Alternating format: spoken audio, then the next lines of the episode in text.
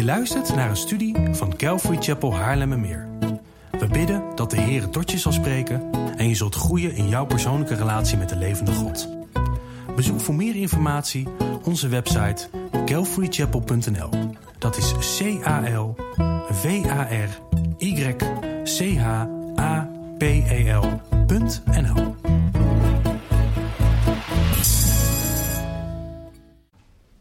sprak vanmorgen met een aantal van jullie over de voorbereiding op deze preekserie. Het is altijd makkelijker om gewoon door een Bijbelboek heen te gaan. Want dan heb je een begin en dan ga je gewoon lekker door. Maar met zo'n preekserie is het altijd uh, stoeien.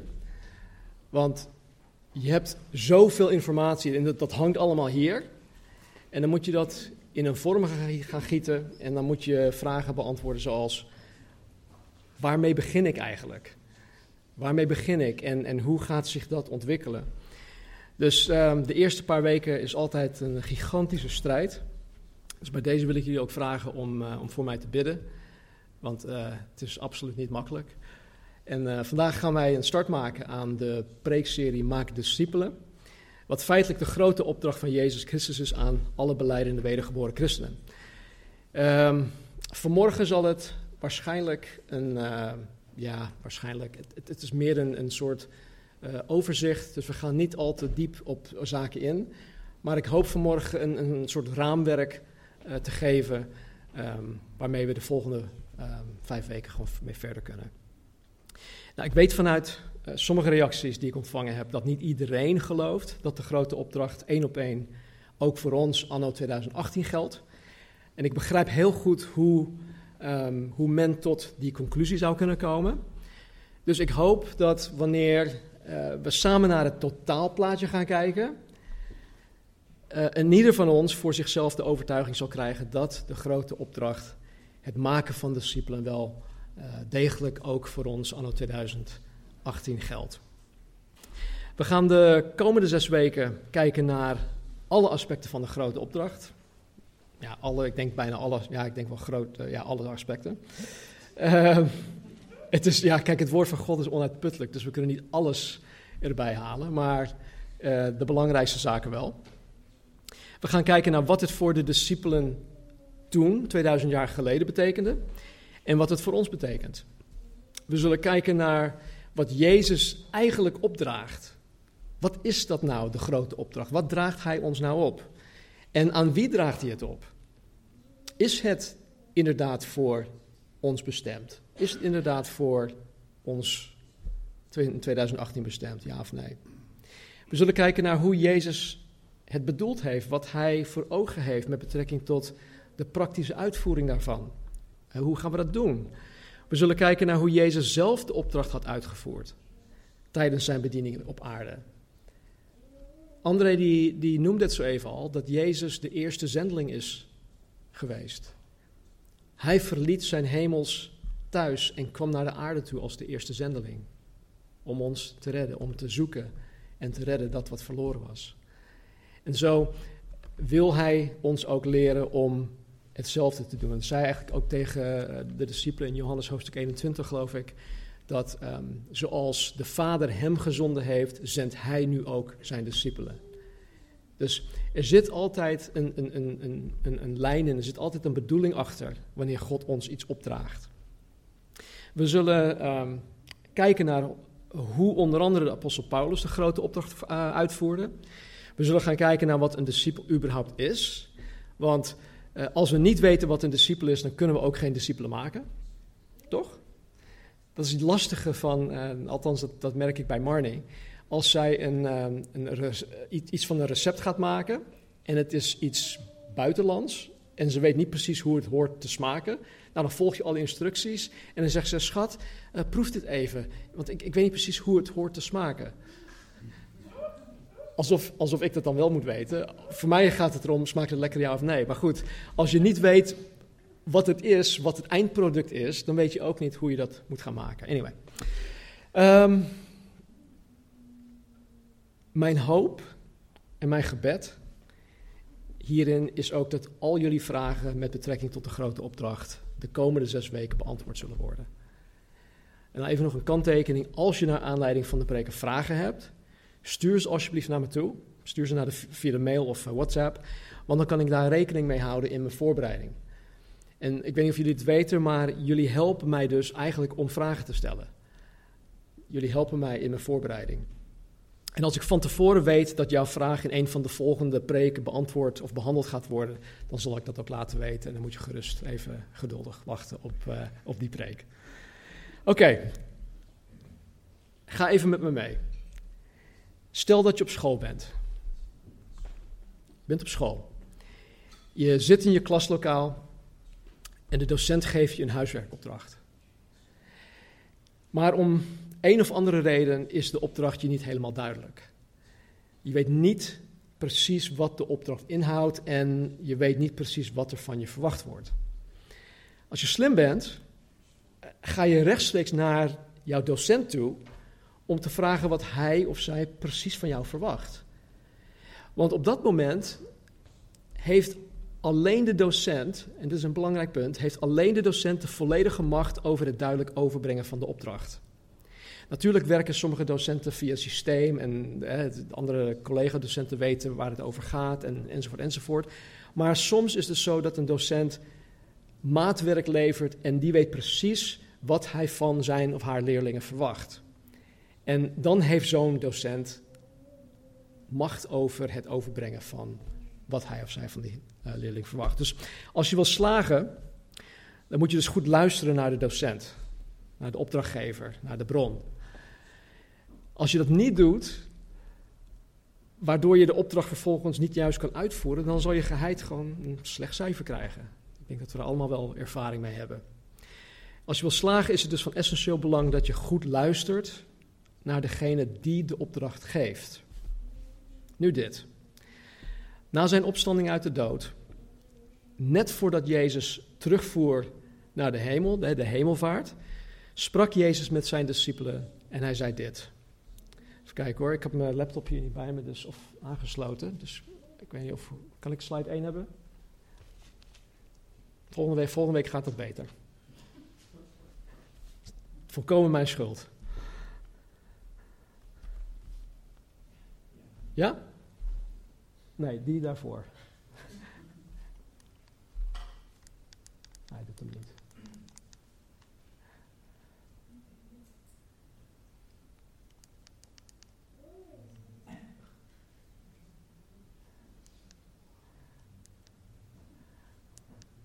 Nee?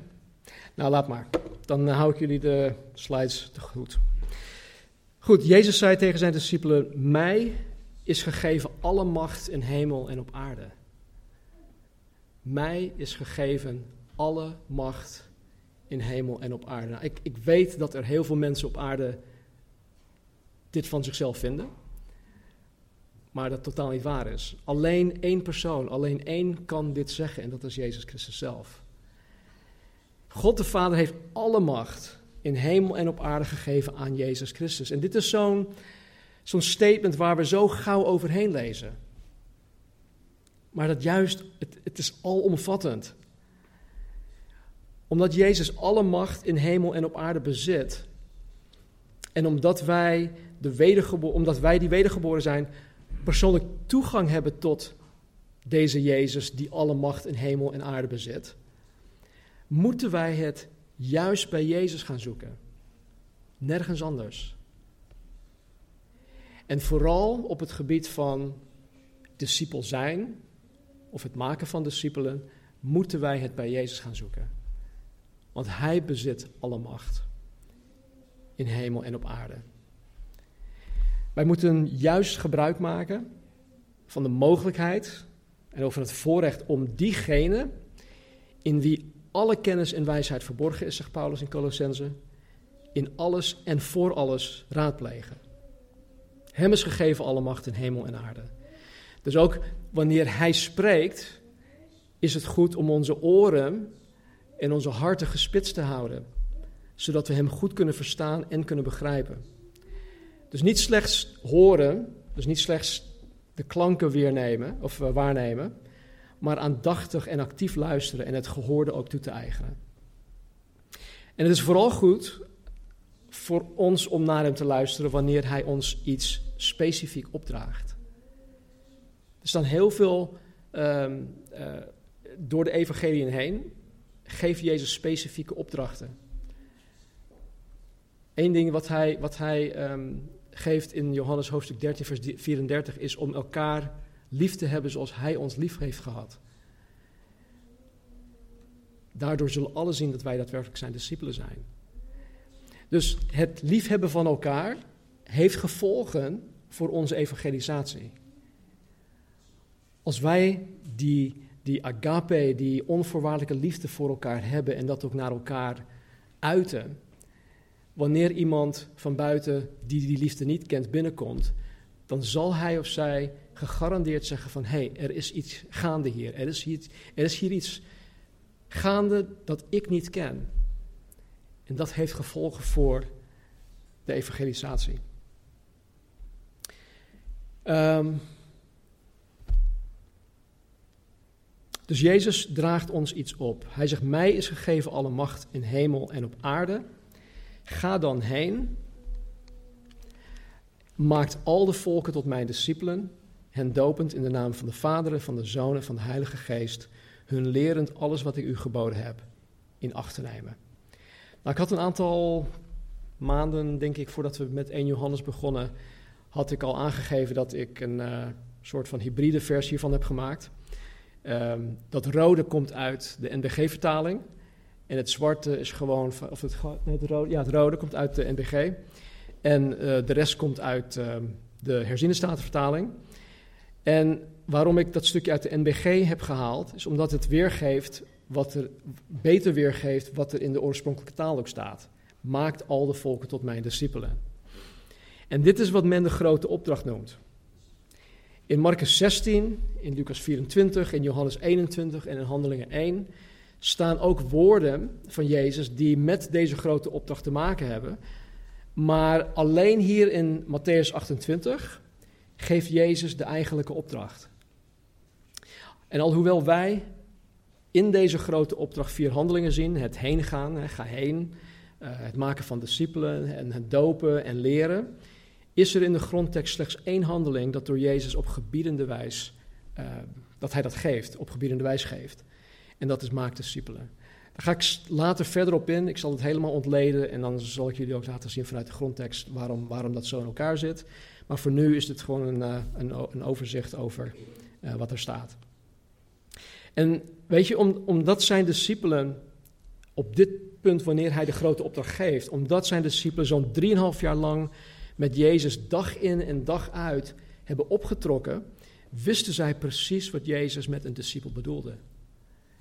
Dus het was niet zo dat wanneer Jezus tegen hun zei: Ga heen en maak discipelen van al de volken, dat ze zoiets hadden van: Hè, discipel, wat is dat nou?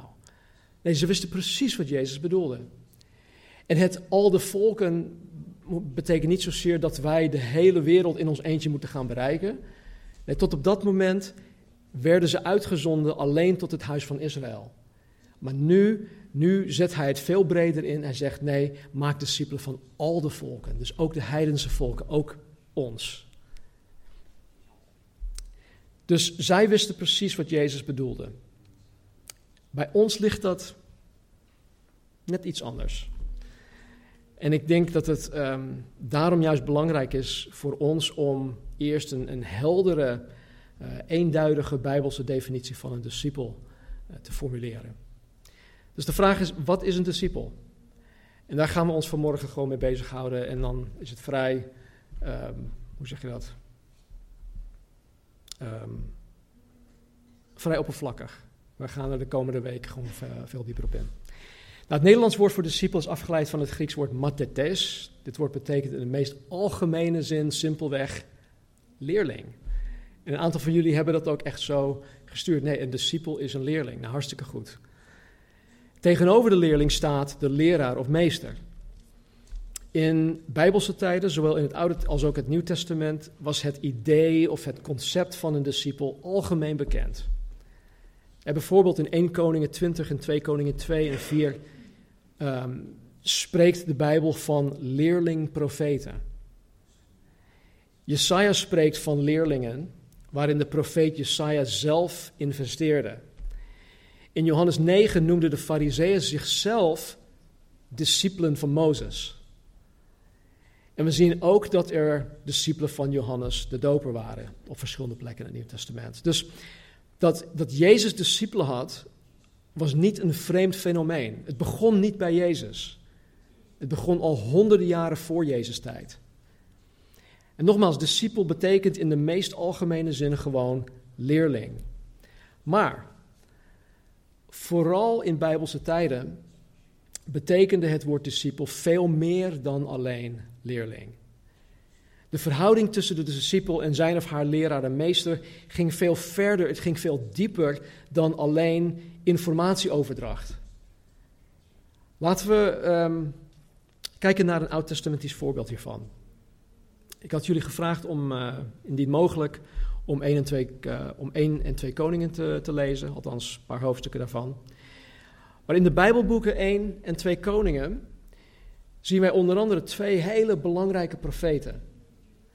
Ik denk dat, dat, dat Elia ja, toch tot een van de meest belangrijke profeten hoort. En als je ja, deze twee nog niet uh, kent, raad ik je sterk aan om, deze, um, om over deze twee profeten te lezen, 1 en 2 koningen. Deze profeet Elia, die had een, een zeer bijzondere bediening van God gekregen. En als je dat leest, ja, dan sta je gewoon versteld van hoe, hoe machtig, uh, de machtige dingen die God door middel van deze profeet heeft gedaan. En hij speelde een, een, een sleutelrol in de geschiedenis van Israël. Hij sprak het woord van God met kracht. Uh, zoals ik net ook zei, was hij het menselijk instrument waardoor God veel wonderen en tekenen had verricht. Kortom, um, Elia was een echte, een, een trouwe dienstknecht van God. Wat ook heel bijzonder was van die man, was dat hij bijzondere hoogtepunten met God kende. Tegelijkertijd wist hij ook wat het was om depressief te zijn. Zwaar depressief te zijn. Dus op een gegeven moment had God een gigantisch wonder verricht.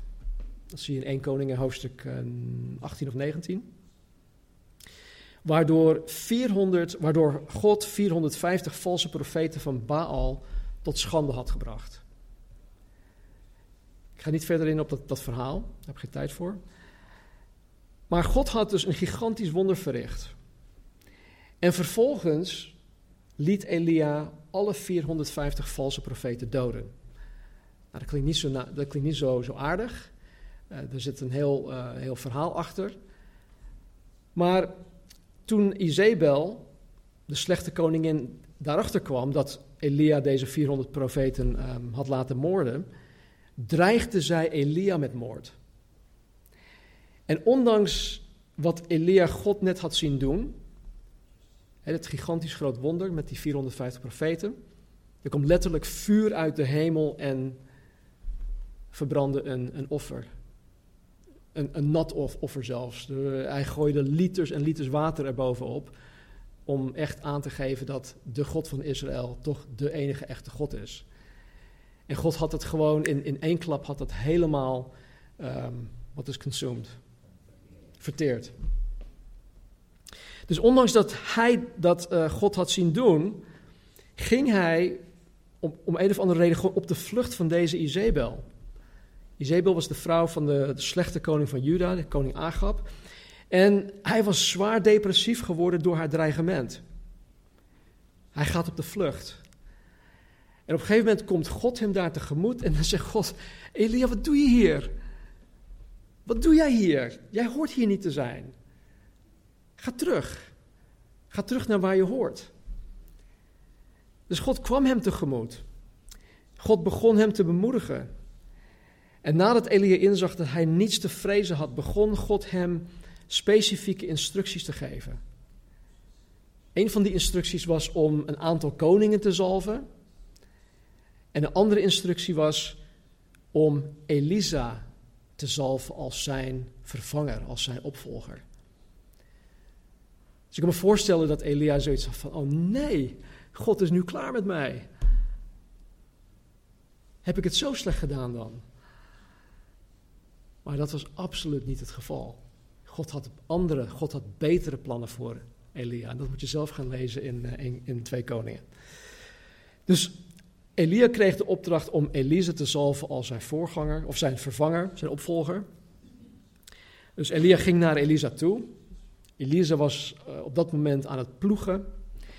En er staat dat Elia zijn mantel om Elisa heen sloeg, wat kennelijk betekent dat hij hem aanwees als vervanger, als opvolger, als leerling. Dat Elisa Elia moest navolgen als zijn leerling, als discipel. En vanaf dat moment waren die twee, die twee altijd samen. En alles dat Elia wist van het profeet zijn, had hij Elisa aangeleerd. Even kanttekening. Elia is trouwens een van de twee mensen die in de Bijbel levend door God zijn opgenomen. Die de dood niet hebben meegemaakt. En die andere is Henoch in, uh, in Genesis hoofdstuk 5. Nou, voordat Elia door God opgenomen werd, en dat, dat was algemeen bekend, want hij, God had het hem al verteld. En uh, Elia had het ook doorverteld aan Elisa en ook aan anderen. Maar voordat Elia door God opgenomen werd, vroeg Elisa aan hem of hij als zijn opvanger een, uh, ja, laat ik even een dubbele dosis van uh, de Heilige Geest zou mogen hebben. He, dus de, de geest die op Elia rustte, uh, Elisa vroeg aan hem, nou ik wil een dubbele dosis van die geest op mijn leven hebben. En ik denk dat hij dit had gevraagd omdat hij gewoon doorhad dat hij uit zichzelf niet in Elia's schoenen zou kunnen lopen. En dat kunnen wij ook niet. Als discipelen van Jezus Christus kunnen wij niet doen wat Jezus Christus deed. Jezus zichzelf, zichzelf, zonder mij kunt u niets doen. Dus wij kunnen überhaupt geen christen zijn tenzij de geest van Christus in ons woont. We lezen in twee koningen dat Elisa inderdaad de Heilige Geest, de geest die op Elia rustte, eh, op hem kwam. Een dubbele dosis in dit geval. Ja, hoe dat eruit ziet, weet ik niet, maar goed. Hij had de Heilige Geest ontvangen. En hij had dat gekregen om het werk van Elia voort te zetten. En in 2 Koningen 4 lezen we dat hij zelfs een jongen uit de dood deed opstaan. Als bewijs van zijn profeet zijn. Nou, in het geval van Elia en Elisa zien wij dat een discipel zoals Elisa meer dan slechts een leerling is van zijn meester Elia. Het ging veel verder en veel dieper dan slechts informatieoverdracht. En tegenwoordig, als wij iemand aan het discipelen zijn, is het zo makkelijk om te zeggen van hier, hier heb je een boek. Lees het boek maar. Dat is puur informatieoverdracht. Maar in discipelschap gaat het juist om die, die relatie. En dat zullen we de komende weken ook gaan zien. Het gaat om persoonlijke interactie met elkaar. En dat is wat wij hier in het leven van Elia en Elisa ook hebben gezien. Elisa volgde Elia na. dus Elisa volgde Elia na. Niet alleen om te leren wat Elia wist, maar om te doen wat Elia deed. Om te worden als hij. Om uiteindelijk het werk van zijn meester Elia voort te zetten. Elia maakte een discipel van Elisa. En dit is één prachtig voorbeeld uit het Oude Testament. Hoe ziet een nieuwtestamentisch discipel eruit? Nou, in het Nieuw Testament zien wij dat Jezus jonge mannen uitnodigt. Ik kom daar een andere keer nog op terug. Het waren waarschijnlijk tienerjongens die Jezus uitnodigde om de wereld op zijn kop te zetten. Dus hij nodigt hen uit om zijn discipelen te worden. En Jezus doet dit in fasen. En om erachter te komen in welke fase hij wat doet, moet je weten wat Jezus in jaar 1 heeft gedaan van zijn bediening, in jaar 2 van zijn bediening en in jaar 3 van zijn bediening. Maar dat is heel lastig, want zo is de Bijbel niet geschreven. Er staat niet, hè, Matthäus bijvoorbeeld, uh, nou dat behelst het eerste jaar. Uh, Marcus en een gedeelte van Lucas behelst het tweede jaar en dan Johannes behelst het, derde jaar. Nee, zo, zo, alles zit gewoon door elkaar heen. Dus het is heel lastig om, um, om um, erachter te komen.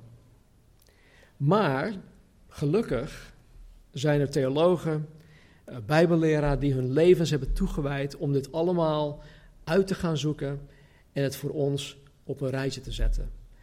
Uh, in het Engels heet dat de Harmony of the Gospels. Ik weet niet hoe dat in het Nederlands heet, maar het, ja, het heeft te maken met de harmonie van de evangeliën, denk ik. Toch? ja. Het is allemaal harmonieus. Maar goed, het is, uh, het is in ieder geval. Uh, geven, geven die boeken dus aan wat er gebeurde vanaf het begin tot het eind en in chronologische volgorde. Nou, de eerste keer dat Jezus zijn discipelen riep om zijn discipelen te worden, was slechts een, een vorm van kennismaking.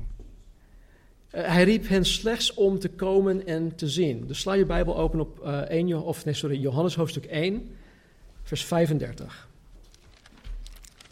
Johannes 1, vers 35 tot met 47.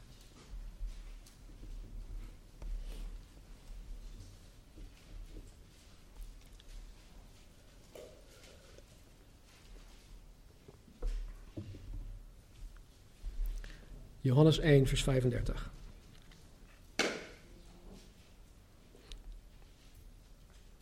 In het stuk ervoor, wat we, wat we hier, uh, hiervoor gaan lezen, um, was Johannes de Doper daar. Hij zag Jezus en hij zegt van Jezus, zie het lam van God dat de zonde van de wereld wegneemt. En dan staat er vanaf vers 35. De volgende dag stond Johannes de Doper daar weer met twee van zijn discipelen. En toen hij Jezus zag lopen, zei hij: Zie het lam van God. En de twee discipelen hoorden hem dat zeggen. En zij volgden Jezus. En toen Jezus zich omkeerde en zag dat zij volgden, zei hij tegen hen: Wat zoekt u? En ze zeiden tegen hem: Rabbi, wat vertaald wil zeggen, meester, waar woont u? En hij zei tegen hen: Kom en zie. Ze kwamen en zagen waar hij woonde en bleven die dag bij hem. En het was ongeveer het tiende uur. Andreas, de broer van Simon Petrus, was een van de twee die het van Johannes gehoord hadden en hem gevolgd waren. Deze vond als eerste zijn broer Simon en zei tegen hem: Wij hebben de Messias gevonden, wat vertaald wordt als de Christus.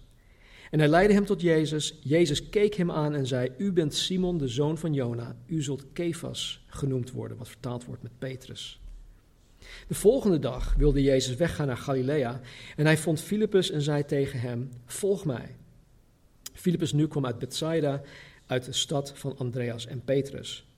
Filippus vond Nathanael en zei tegen hem: Wij hebben hem gevonden over wie Mozes in de wet geschreven heeft en ook de profeten, namelijk Jezus, de zoon van Jozef uit Nazareth. En Nathanael zei tegen hem: Kan uit Nazareth iets goeds komen? Filippus zei tegen hem: Kom en zie. Tot zover. Dus dit is de eerste keer dat Jezus hen ontmoet en vraagt om met hen mee te komen. Maar het is niet zo dat Jezus zegt: Oké, ik, wil ik wil dat jullie je nu uh, geheel aan mij toewijden. Hij zegt alleen: Kom en zie. Kom, ik wil je wat laten zien. Dus we zien in dit schriftgedeelte dat, dat Johannes, uh, Petrus, Andreas, Petrus zijn broer, Filippus en Nathanael hem begonnen na te volgen. En het begon met de uitnodiging van Jezus om te komen en te zien. En wat opvallend is, is dat Johannes en Andreas overtuigd waren op basis van de getuigenis van Johannes de Doper. Johannes de Doper, die wees op Jezus, zegt, hij is het. Waardoor die twee hem gingen, Jezus gingen navolgen. Simon Petrus, ja, die, die, die geloofde op basis van de uitnodiging van zijn broer Andreas. Of die ging kijken en zien. Filippus ging kijken en zien op uitnodiging van Jezus zelf. En Nathanael ging kijken en zien op basis van de getuigenis van Filippus. Dus we zien al heel vroeg dat uh, mensen op verschillende wijzen in aanraking met Jezus komen. Er is geen één methode dat, dat, dat mensen in aanraking komen met Jezus. Nee, wij zijn allemaal zo verschillend. En God wil ons allemaal in onze unieke uh, ja, in, in hoe wij uniek zijn gebruiken om mensen in aanraking te laten komen. En dat doet hij op zoveel verschillende wijzen. Op het werk, in de supermarkt, op school, hier in de kerk. Um, noem maar op. God wil in ieder van ons daarvoor gebruiken. Nou, ze gingen in deze fase met Jezus mee. Maar ze gingen ook weer gewoon naar huis. Ze bleven gewoon nog werken in hun beroep en gingen met Jezus mee wanneer het hun uitkwam.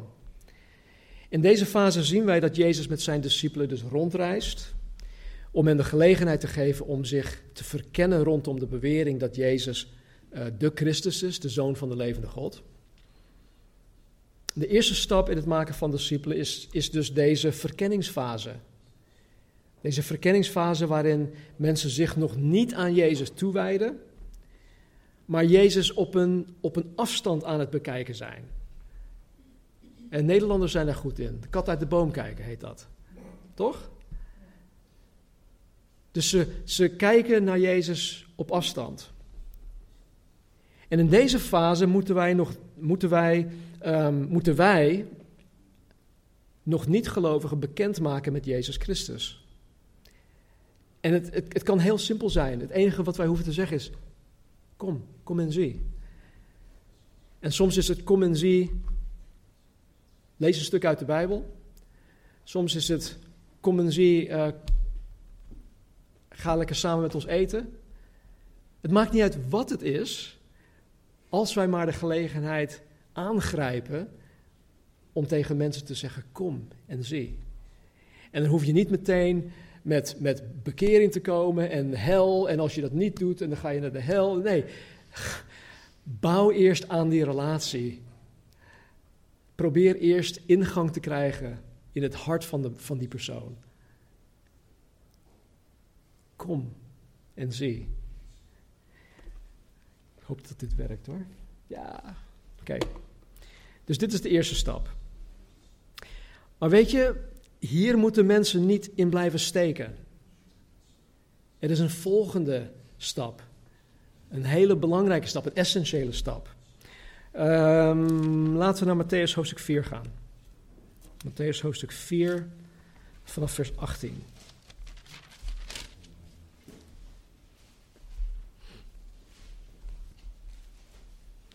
Matthäus 4, 18.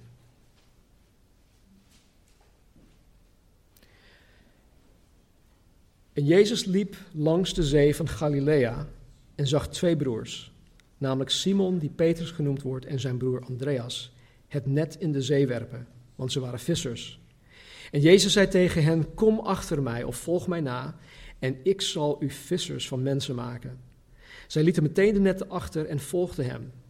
Hij ging vandaar verder en zag twee andere broers, namelijk Jacobus, de zoon van Zebedeus, en Johannes zijn broer, in het schip met hun vader Zebedeus terwijl zij hun netten aan het herstellen waren.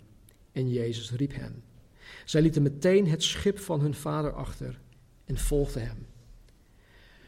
Tot zover. Wij moeten ons beseffen dat er inmiddels uh, misschien, ik, ik, weet het niet zeker, dat ga ik nog uitzoeken, maar het kan zijn dat er anderhalf jaar al voorbij is gegaan. Vanaf Johannes hoofdstuk 1. Vanaf het moment dat Jezus zei: Kom en zie, zijn ze nu ongeveer anderhalf jaar verder. Dus het is niet zo zoals we dat vaak lezen, dat Jezus zegt, hé hey kom maar, kom maar, dat ze ineens alles gewoon laten vallen en achter Jezus, blindelings achter Jezus aangaan. Nee, ze hebben Jezus al, al een hele tijd meegemaakt. Ze hebben uh, heel veel van Jezus al gezien en gehoord. En nu vraagt hij uh, hun dus om hem echt na te gaan volgen. In, um, in Lucas 4, vers 38, je hoeft daar niet naartoe te gaan, zien wij dat Jezus de schoonmoeder van Simon Petrus had genezen. Ze was ziek, ze had hoge koorts. En Petrus vroeg, Jezus, kun je haar genezen? Dit gebeurde tijdens de verkenningsfase. Dus we hebben heel veel meegemaakt, ook in die verkenningsfase. Dit gebeurde dus voordat Jezus Simon Petrus riep om hem na te volgen als discipel. Dus wat wij hier Jezus zien doen, is deze vier, Petrus, Andreas, Jacobus en Johannes, we zien Jezus deze vier um, roepen om hem na te volgen. En nu is het niet alleen kom en zie, maar nu is het volg mij na. Hij vraagt hun om alles achter zich te laten en hem toegewijd te zijn. Vandaar dat ze ook alles gewoon letterlijk laten vallen, gedag zeggen tegen hun vader en Jezus gewoon navolgen. Jezus vraagt hen hier eigenlijk om een beslissing te maken om een echte navolger van Hem te worden. Jezus vraagt hun om een beslissing te maken om christen te worden. Ze hebben voldoende gezien en meegemaakt in de verkenningsfase. En nu vraagt Jezus om een commitment. En dit is hetzelfde als wanneer wij mensen kennis laten maken met Jezus door tegen hen te zeggen: Kom en zie. Uiteindelijk is het de bedoeling dat mensen zich niet alleen blijven verkennen, maar dat zij op het punt komen dat zij de bewuste keus maken voor Jezus te gaan. Dat zij de bewuste keus maken voor Jezus, waarin zij zich aan Hem toewijden. En vandaag de dag zou dat het moment van wedergeboorte zijn. En wanneer iemand zich bekeert van het oude leven en zich bekeert tot God, wanneer hij of zij zijn of haar leven toewijdt aan de Heer. Dit is het moment van het echte christen worden. En dit is hetzelfde als een discipel van Jezus Christus zijn. Er is trouwens geen verschil tussen bijbels christen en bijbels discipel. Die twee zijn synoniem. Een bijbelse christen is hetzelfde als een bijbelse discipel. Dit leg ik later nog wel uh, een keer uit. Dus um, dit was volgens mij de tweede fase. Klopt dat of niet? Ja, toewijding. Volg mij na. Uh, ga even verderop naar Matthäus hoofdstuk 16.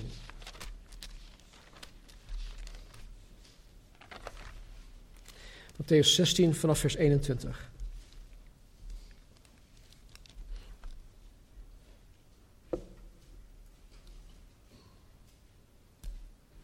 Matthäus 16, 21. In hoofdstuk 16 nam Jezus zijn discipelen mee op een soort van uh, mannenretraite, mannenweekend, naar Caesarea Philippi. Op dat moment um, vraagt Jezus ook aan hun: Wat zeggen de mensen nou van mij? Wie zeggen de mensen dat ik ben? En dan vertellen ze dat. En dan komt de allerbelangrijkste vraag van Jezus. Maar wie zegt u dat ik ben? En hij vraagt de discipelen gewoon recht op de man af: Wie ben ik voor jullie?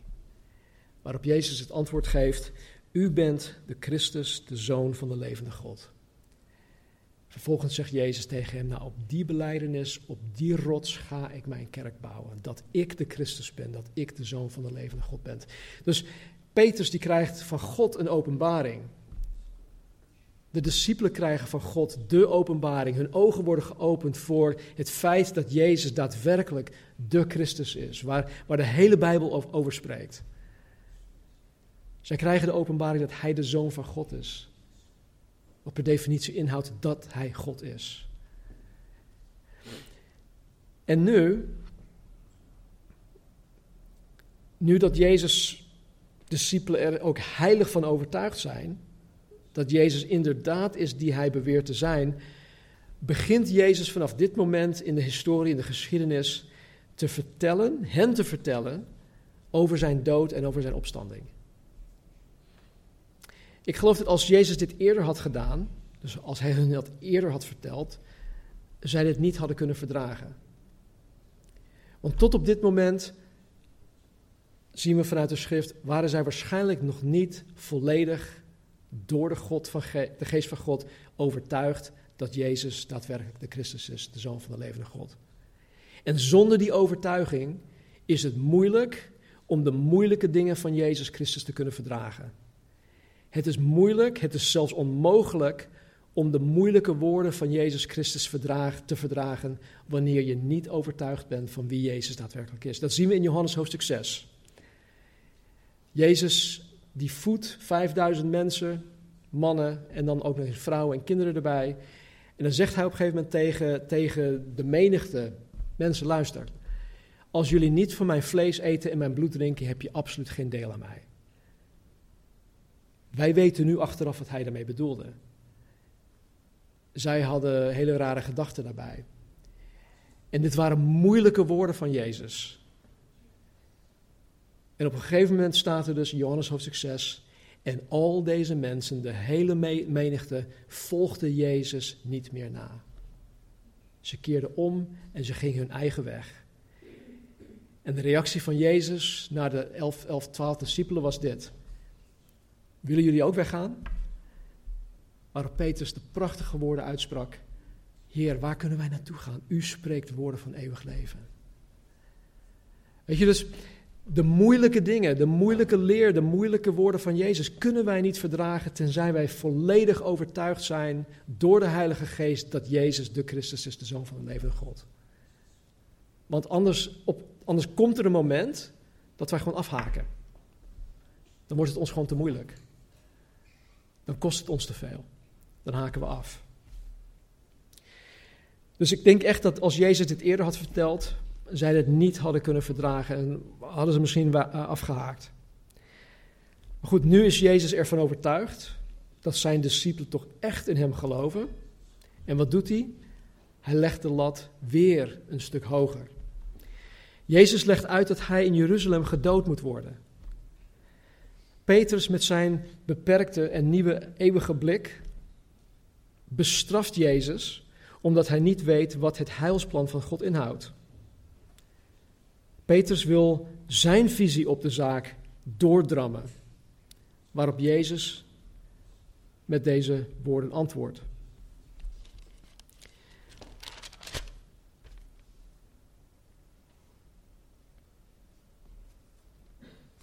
In vers 24 en 25.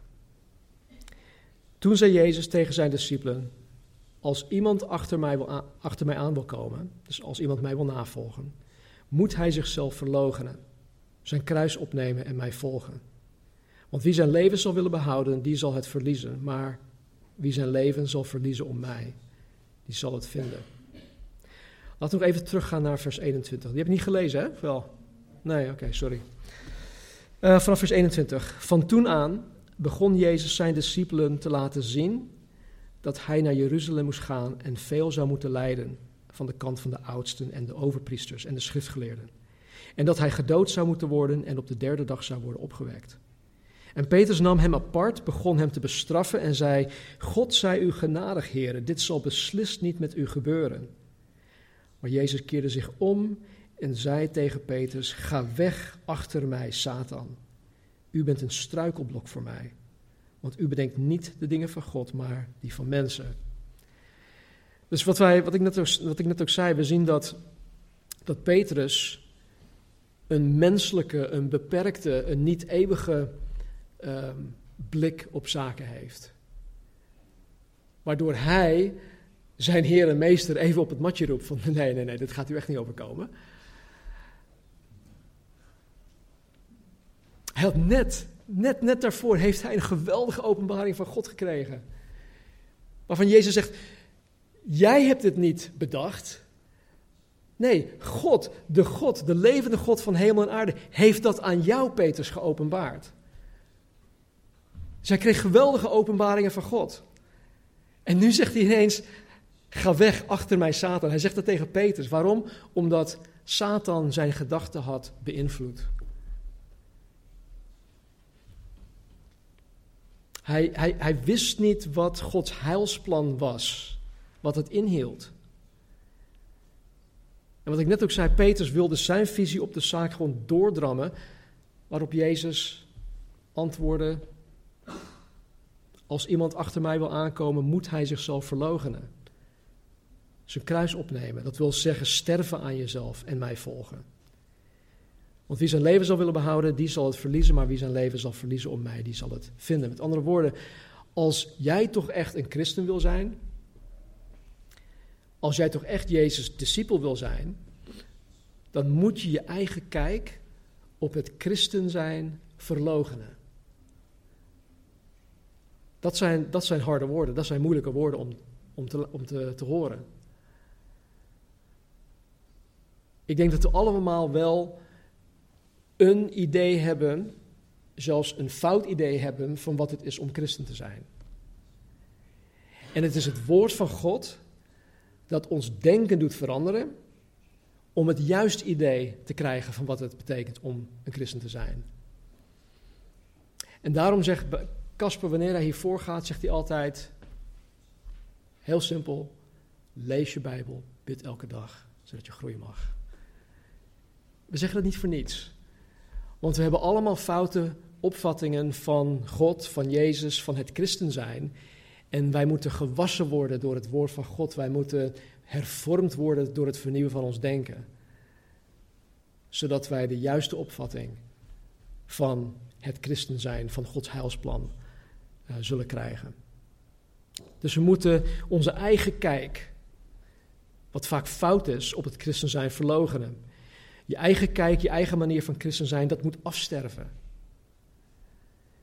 En zolang iemand zijn of haar geloof op zijn of haar eigen manier wil praktiseren, is het onmogelijk om een discipel van Jezus Christus te zijn.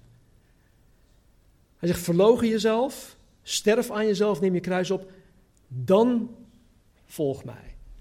Het is in die volgorde. Het is niet zo dat ik mijn eigen ding kan blijven doen en tegelijk Jezus Christus navolgen. Die twee gaan niet samen. En ja, het, draait om Gods heilsplan. Het draait om Jezus, niet om wat jij of ik prettig vind. Dus Jezus legt de lat hier zeer hoog. En hij vraagt nu van zijn discipelen om zichzelf totaal aan hem over te geven, koste wat kost.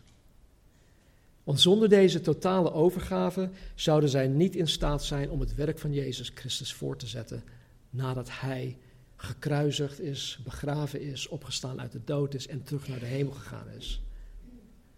Als zij dit niet door hadden gekregen, als zij dit niet hadden omarmd, dan hadden ze nooit kunnen doen wat zij 2000 jaar geleden hadden gedaan. En dan was het evangelie nooit 2000 jaar later tot ons gekomen. Eenmaal op dit punt gekomen, zijn Jezus' discipelen bijna in staat om zijn werk op aarde voor te zetten. Ze zijn bijna in staat. Ik weet niet of ik nog de goede slide heb hoor. Uh, dat was die, ja. Dus mij is gegeven alle macht in hemel en op aarde. Ga dan heen, maak al de volken tot mij discipelen, hen dopend in de naam van de Vader en de Zoon van de Heilige Geest, hun lerend alles wat ik u geboden heb in acht te nemen. En zie, ik ben met u al de dagen. Uh, tot, kijken. En zie, ik ben met u al de dagen tot de voleinding van de wereld. Amen. Dus Jezus geeft hun niet alleen de opdracht, maar hij zegt dat hij, hij belooft hier dat hij met hun zal zijn. Tot um, de voleinding van de wereld. Dus wij zien dat Jezus zijn discipelen in fasen maakte. Eerst was kom en zie, volg mij, sterf aan jezelf en maak discipelen. En vervolgens, wat wij vanaf vanmorgen niet gaan behandelen, is in Handelingen hoofdstuk 1, vers 8, waarin Jezus zegt: Wacht. Hij zegt, eerst zegt hij: Ga heen. Maar dan zegt hij even nog: Time out, wacht nog maar even. Wacht in Jeruzalem op de belofte van de Vader, en dat is dan Pinksteren, de doop met de Heilige Geest. Dus zoals wij in het voorbeeld van Elia en Elise hebben gezien, en ook in het kort met de discipelen van Jezus, is een Bijbelse discipel dus iemand die een volgeling van Jezus is. Eén. Twee, die vervuld is met de Heilige Geest. Dat hebben wij vanmorgen niet behandeld.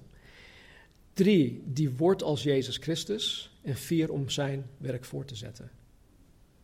En dit is eigenlijk gewoon een beknopte definitie van een discipel. En dit gaan we de komende weken verder ontleden. We hebben slechts een, een vluchtige blik geslagen op wat een discipel is. In de komende weken gaan we nog veel meer leren. En ik begrijp dat je naar aanleiding van deze preek wellicht vragen hebt, dus mail ze alsjeblieft naar me toe. Mail ze naar me toe. Maar de belangrijkste vraag van vanmorgen is dit. Ben jij een discipel van Jezus Christus? We gaan het hebben over het maken van discipelen. Maar het kan niet zo zijn dat als je zelf geen discipel bent, dat je discipelen gaat maken. Dat is een eerste vereiste. Dus ben jij zelf een discipel van Jezus Christus? Waar zit jij momenteel?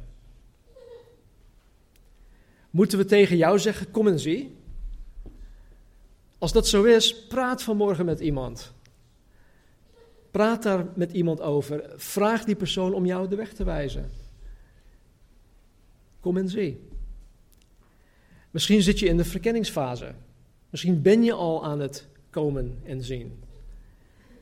Misschien ben je Jezus op een afstand aan het bekijken. En wat nog erger is, misschien ben je hierin blijven steken. Dat je nog steeds, misschien na weken of maanden of zelfs jarenlang, nog steeds in die verkenningsfase zit. Waar je Jezus op een afstand houdt en Hem op afstand bekijkt. Je doet wel mee met bepaalde dingen,